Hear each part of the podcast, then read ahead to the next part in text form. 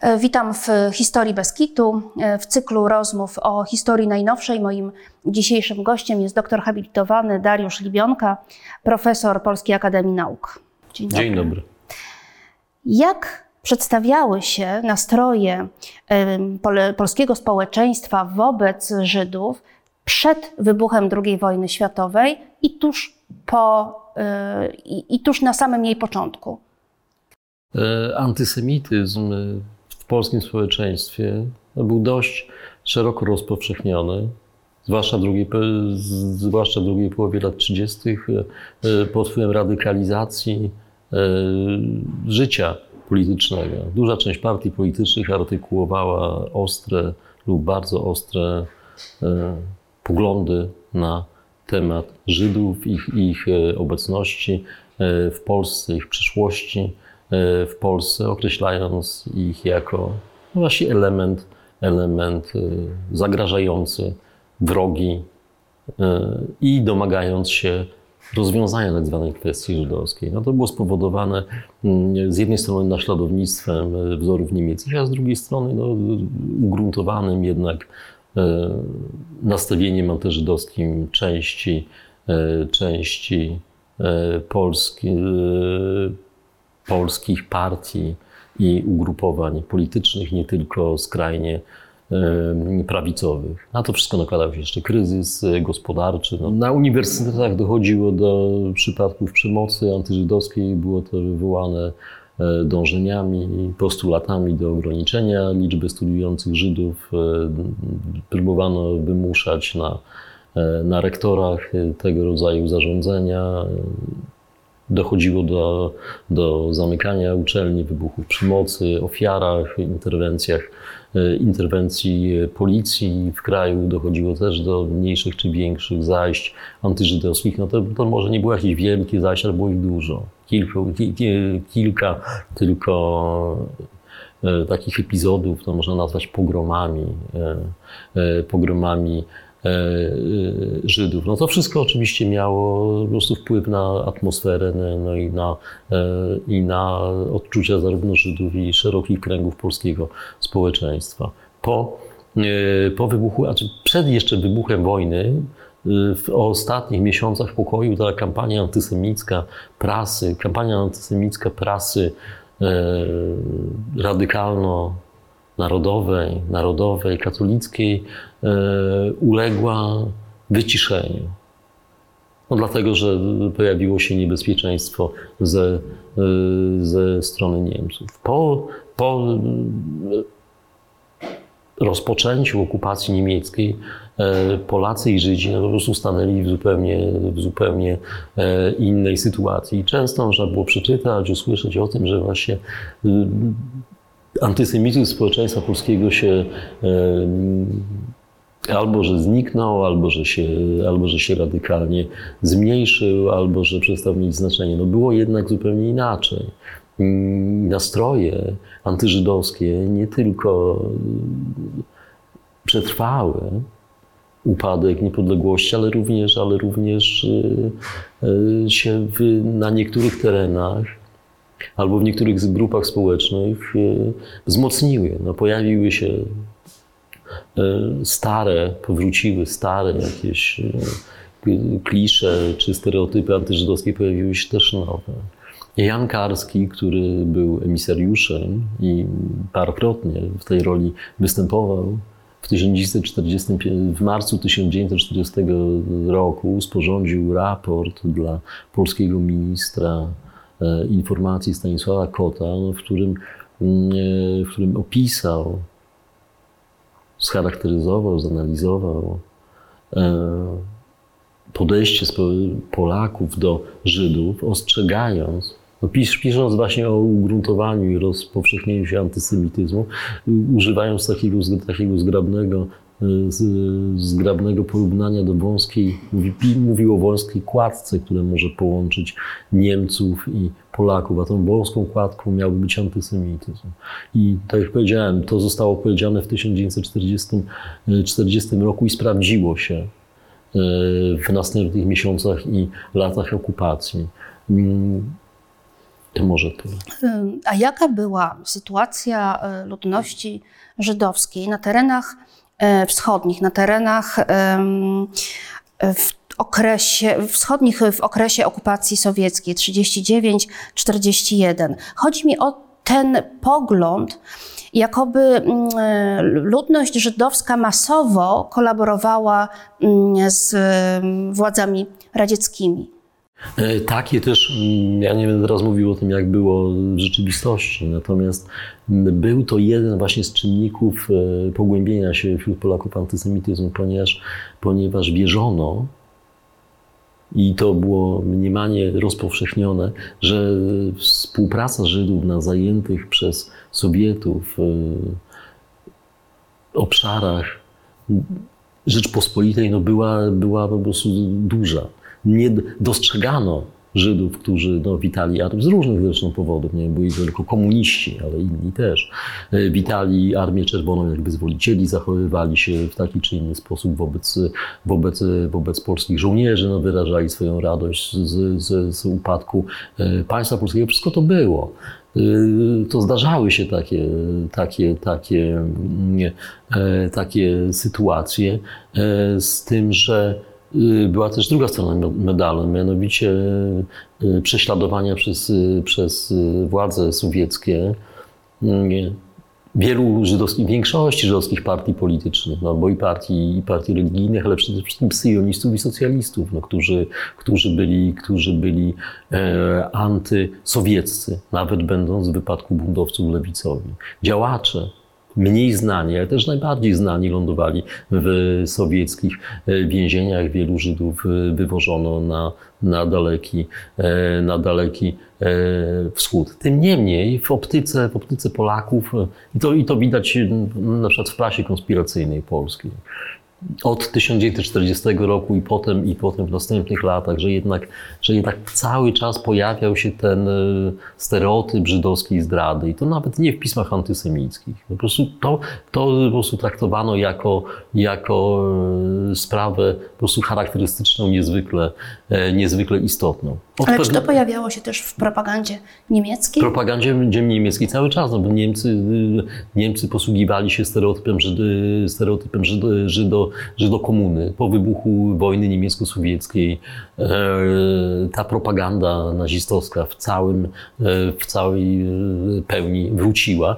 ale też, ale też zaczęło, zaczęło do mm, generalnego gubernatorstwa na ziemię Polski Centralnej zaczęli docierać ludzie, którzy okres mm, 1939-1941 spędzi, spędzili na, e, no, czy w Lwowie, czy w Wilnie, czy, czy, czy, czy w innych miejscowościach na wschodzie. No i po prostu opowiadali, opowiadali o, o, postawach, o postawach e, Żydów. O tym pisała prasa konspiracyjna. Oczywiście jej zasięg był, był, był jakiś sposób szczególnie duży. Nie, nie, nie docierała do każdego, no ale po prostu pokazuje to no właśnie pewien sposób po prostu myślenia, myślenia o, e, o Żydach, po prostu grup e, ważnych w polskim życiu, a mianowicie, a mianowicie grup konspiracyjnych. To mniemanie było niezwykle, tak jak powiedziałem, rozpowszechniane i ono się przełożyło też w dużej części na, traktowa- na postrzeganiu e, losu Żydów już w momencie eksterminacji. Latem 1941 roku e, na terenie Łomżyńskiego e, doszło do fali mordów, pogromów na ludności żydowskiej. Szczególnie znane są takie miejscowości jak Jedwabne e, czy Radzi, e, Radziłowo, Radziłów. Radziłów. Kim byli sprawcy? No, sprawcy byli mie, mie, mieszkańcami tych, e, tych miejscowości. To, co się działo w Jedwabnym, w Radziłowie, w kilku jeszcze innych, było przedmiotem śledztwa prowadzonego przez Instytut Pamięci Narodowej kilkanaście lat temu. Do, doszło do, do szeregu, do szeregu e, po prostu ważnych ustaleń. No, zastanawiano się, bo to były e, wiedza na ten temat no była po prostu szokująca dla, dla Polaków, dla, dla historyków. Nikt nie zdawał sobie sprawy z tego, co tam się rzeczywiście latem 1941 e, roku zdarzyło. To powiedzmy, co się zdarzyło. Paru dziesięciu miejsc, w paru dziesięciu miejscowościach doszło do w niektórych do zajść, w niektórych do niewielkich pogromów, a w kilku, tak jak właśnie w Jedwabnym i Radziłowie, do mordów Żydów dokonanych przez, przez ludność miejscową. To czyli były, przez Polaków. Czyli przez Polaków. Można się po prostu spierać, jaka była, jaka była rola Niemców. Czy była to tylko inspiracja, czy, czy Niemcy tylko zachęcali.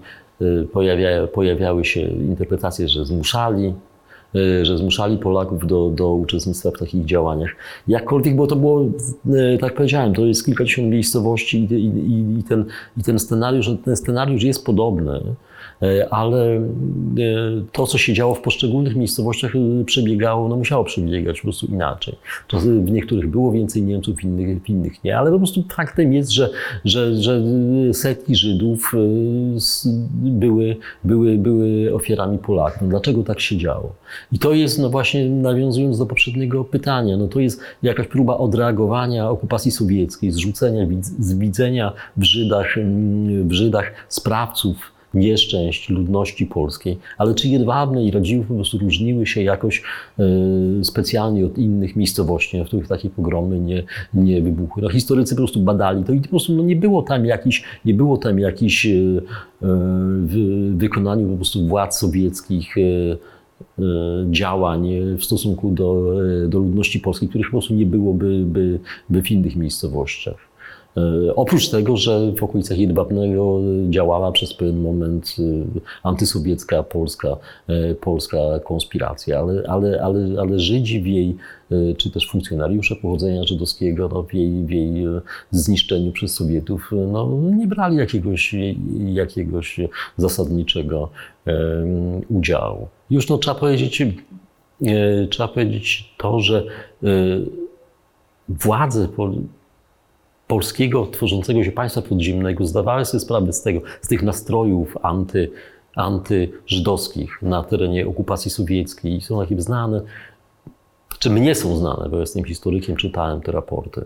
Mm, raporty między innymi Grota Roweckiego, który był, który był, był, był komendantem konspiracji, w, był komendantem ZWZ. On, on pisał do, on pisał do do, do Londynu, informował rząd, że może dojść do, może dojść do zemsty Polaków na, na Żydach w momencie, kiedy sytuacja się, sytuacja się odwróci. Nastroje anty, antyżydowskie są bardzo silne. No i do, do, do takich właśnie, do takich właśnie wystąpień doszło w Jedwabnym, Radziłowie i w paru dziesięciu innych miejscowościach. No nie, było to, e, nie było to zjawisko charakterystyczne tylko dla, dla e, ziem polskich, ale pogromy i to wiele bardziej krwawe e, miały miejsce, pogromy i mordy w których, ginęło, których ginęły tysiące Żydów, no, miały miejsce, miały miejsce na, na, na Litwie, miały miejsce na Ukrainie. I mówimy o ludności cywilnej. Tak, i mówimy oczywiście, oczywiście mówimy o ludności cywilnej, bo w tych e,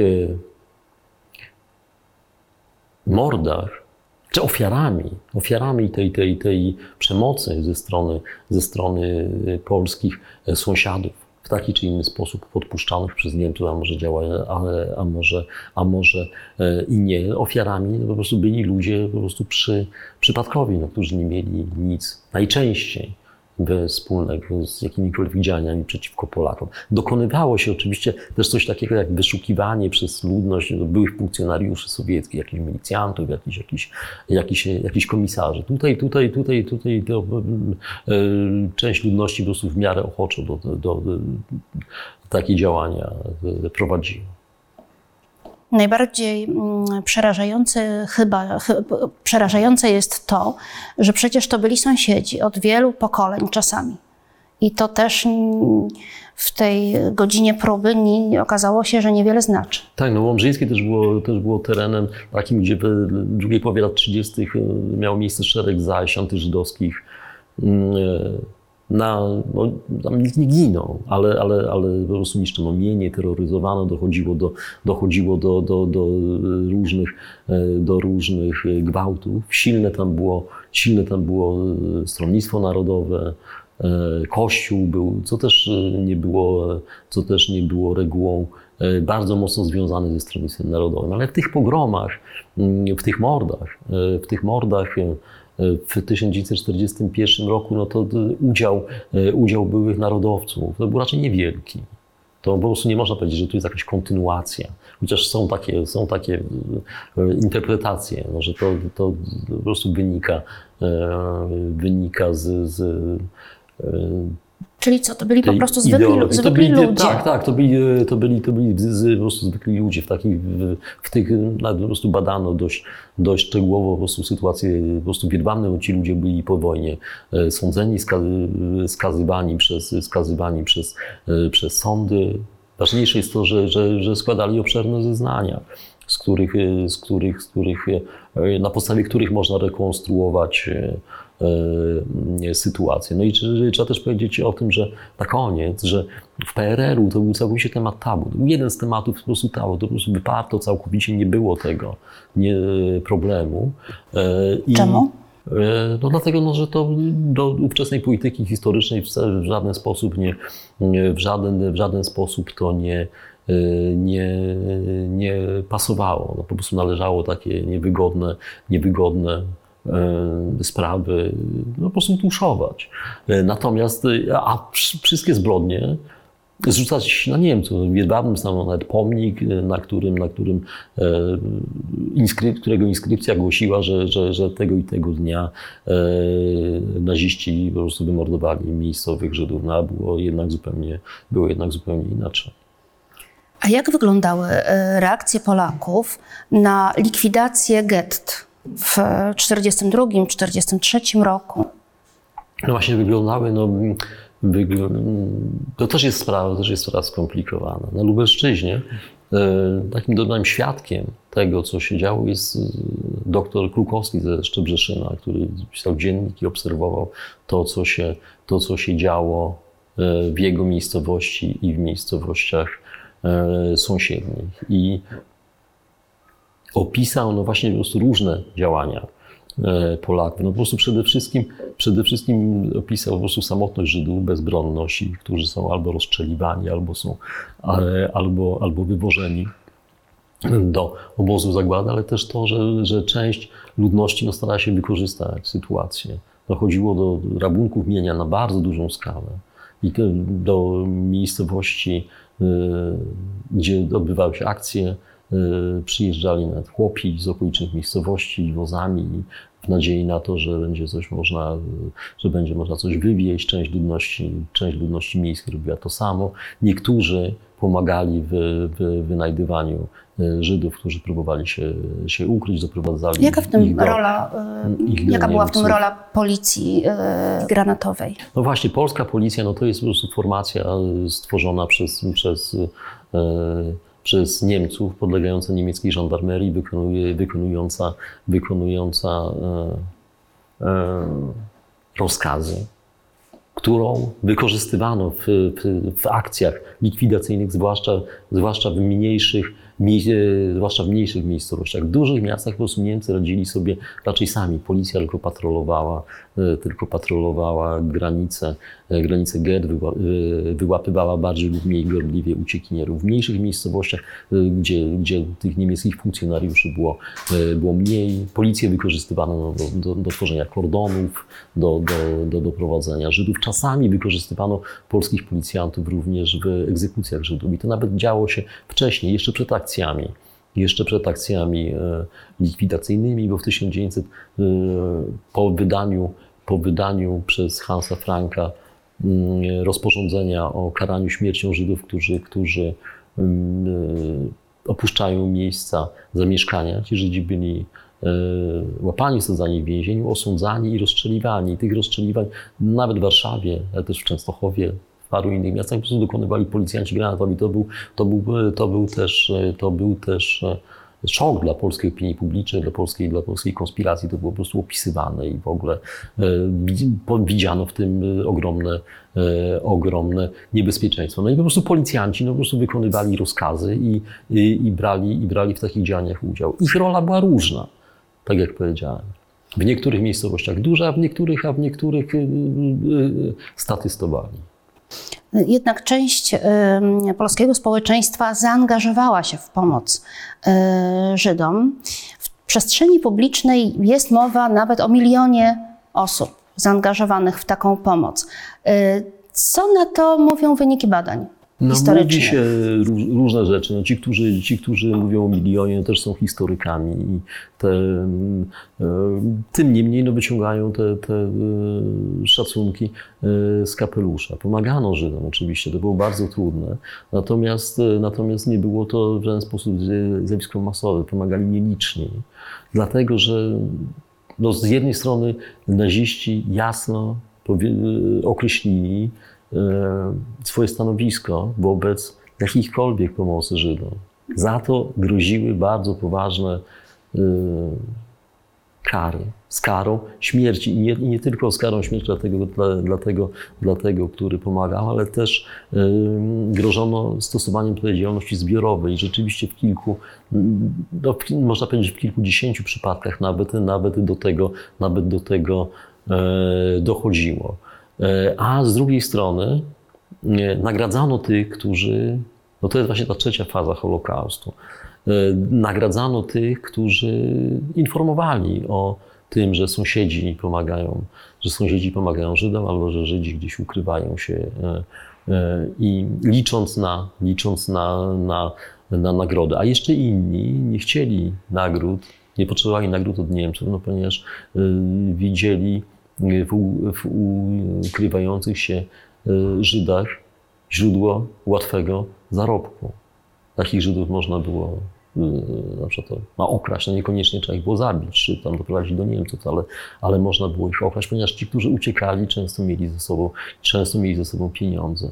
I tak samo było, e, i było to też niebezpieczne dla Polaków, bo to jest ważne, że, że, że, że ci, którzy pomagali to trzeba podkreślić, że ci, którzy pomagali Żydom, byli zagrożeni nie tylko przez, przez funkcjonariuszy niemieckich, no, ale też przez polskich policjantów, no i też przez część sąsiadów, która, która e, z takich czy innych e, po, e, po prostu powodów stanowiła zagrożenie, czy, czy, czy donosiła, czy, czy szantażowała. Wydawało się, że ci, którzy, którzy, którzy pomagają Żydom, po prostu zarabiają na tym. A w tym, a w tym, a w tym zarabianiu po prostu wielu chciało, wielu chciało partycypować.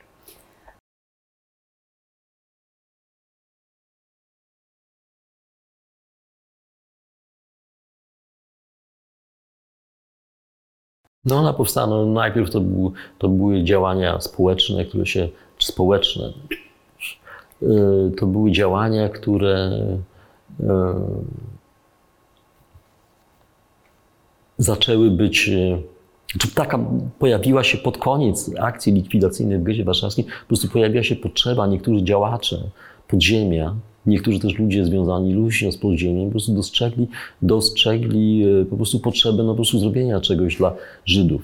Nawet e, byli wśród nich e, antysemici, ale uważali, że jako chrześcijanie z jednej strony, a z drugiej jako obywatele po prostu muszą zrobić coś, ponieważ po prostu to zostanie, ponieważ mord Żydów na taką skalę, to co się po prostu dzieje, po prostu w Polsce nie pozostanie bez konsekwencji, że to jest bardzo ważne, co się dzieje i że też bardzo ważne będzie to, jak to będzie postrzegane później. I że Polacy muszą coś zrobić.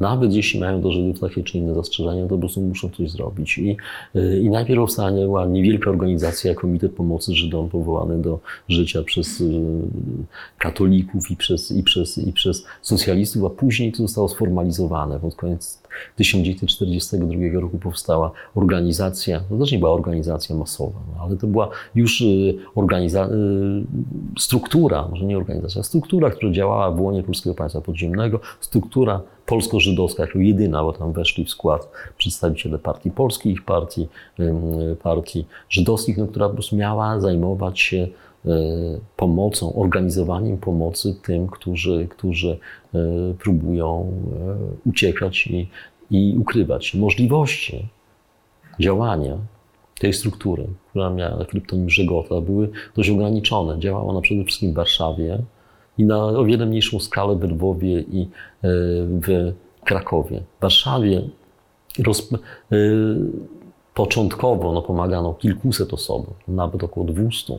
na początku 1943 roku, pod, e, przed powstaniem warszawskim, no to już było kilka tysięcy. Oprócz tego istniała konspiracja żydowska po aryjskiej stronie, która mm, też miała swoje siatki pomocy. Żydzi pomagający Żydom, o tym często się, e, o tym często się zapomina. Żydowski Komitet Narodowy i Bunt to była partia, to była partia socjalistyczna. Żydowski Komitet Narodowy to była, e, to była struktura jednocząca kilka partii syjonistycznych stworzy, stworzono siatki pomocy, które, które też pomagały, które, które pomagały y, też kilku tysiącom, też kilku tysiącom Żydom. I, i, I, te struktury były, to jest ważne, były, były, były, były y, finansowane. No, jeśli chodzi o Żegoty, no to z budżetu państwa podziemnego. To były niewielkie środki, no ale jednak po prostu bez nich nic by nie, by nie można było zrobić. I z pieniędzy, które dostarczały organizacje żydowskie, z zagranicy. Te pieniądze były przywożone przez kurierów i rozdysponowywane czy przekazywane do, do, e, do tych e, struktur, które zajmowały się pomocą i rozdysponowywane przy, e, pomiędzy ludźmi, którzy ukrywali się. Tu po prostu chodziło o to, żeby no po prostu ukrywający się no, mogli dostać jakiś zasiłek pieniężny, który im umożliwiałby no, czy wynajęcie mieszkania, czy jakieś tam funkcjonowanie, bo część z nich no, nie była w stanie pracować, musiała ukrywać się, nie miała, nie miała środków do tego. No ale tak jak mówię, po prostu były to działania, były to działania niewielkie, no tym niemniej kilka tysięcy osób zostało w ten sposób e, uratowanych. Natomiast na mniejszych miastach, na prowincji, no po prostu pomagali ludzie, pomagali ludzie, też z różnych powodów, ludzie wywodzący się z różnych warstw E, społecznych, inteligenci i ludzie,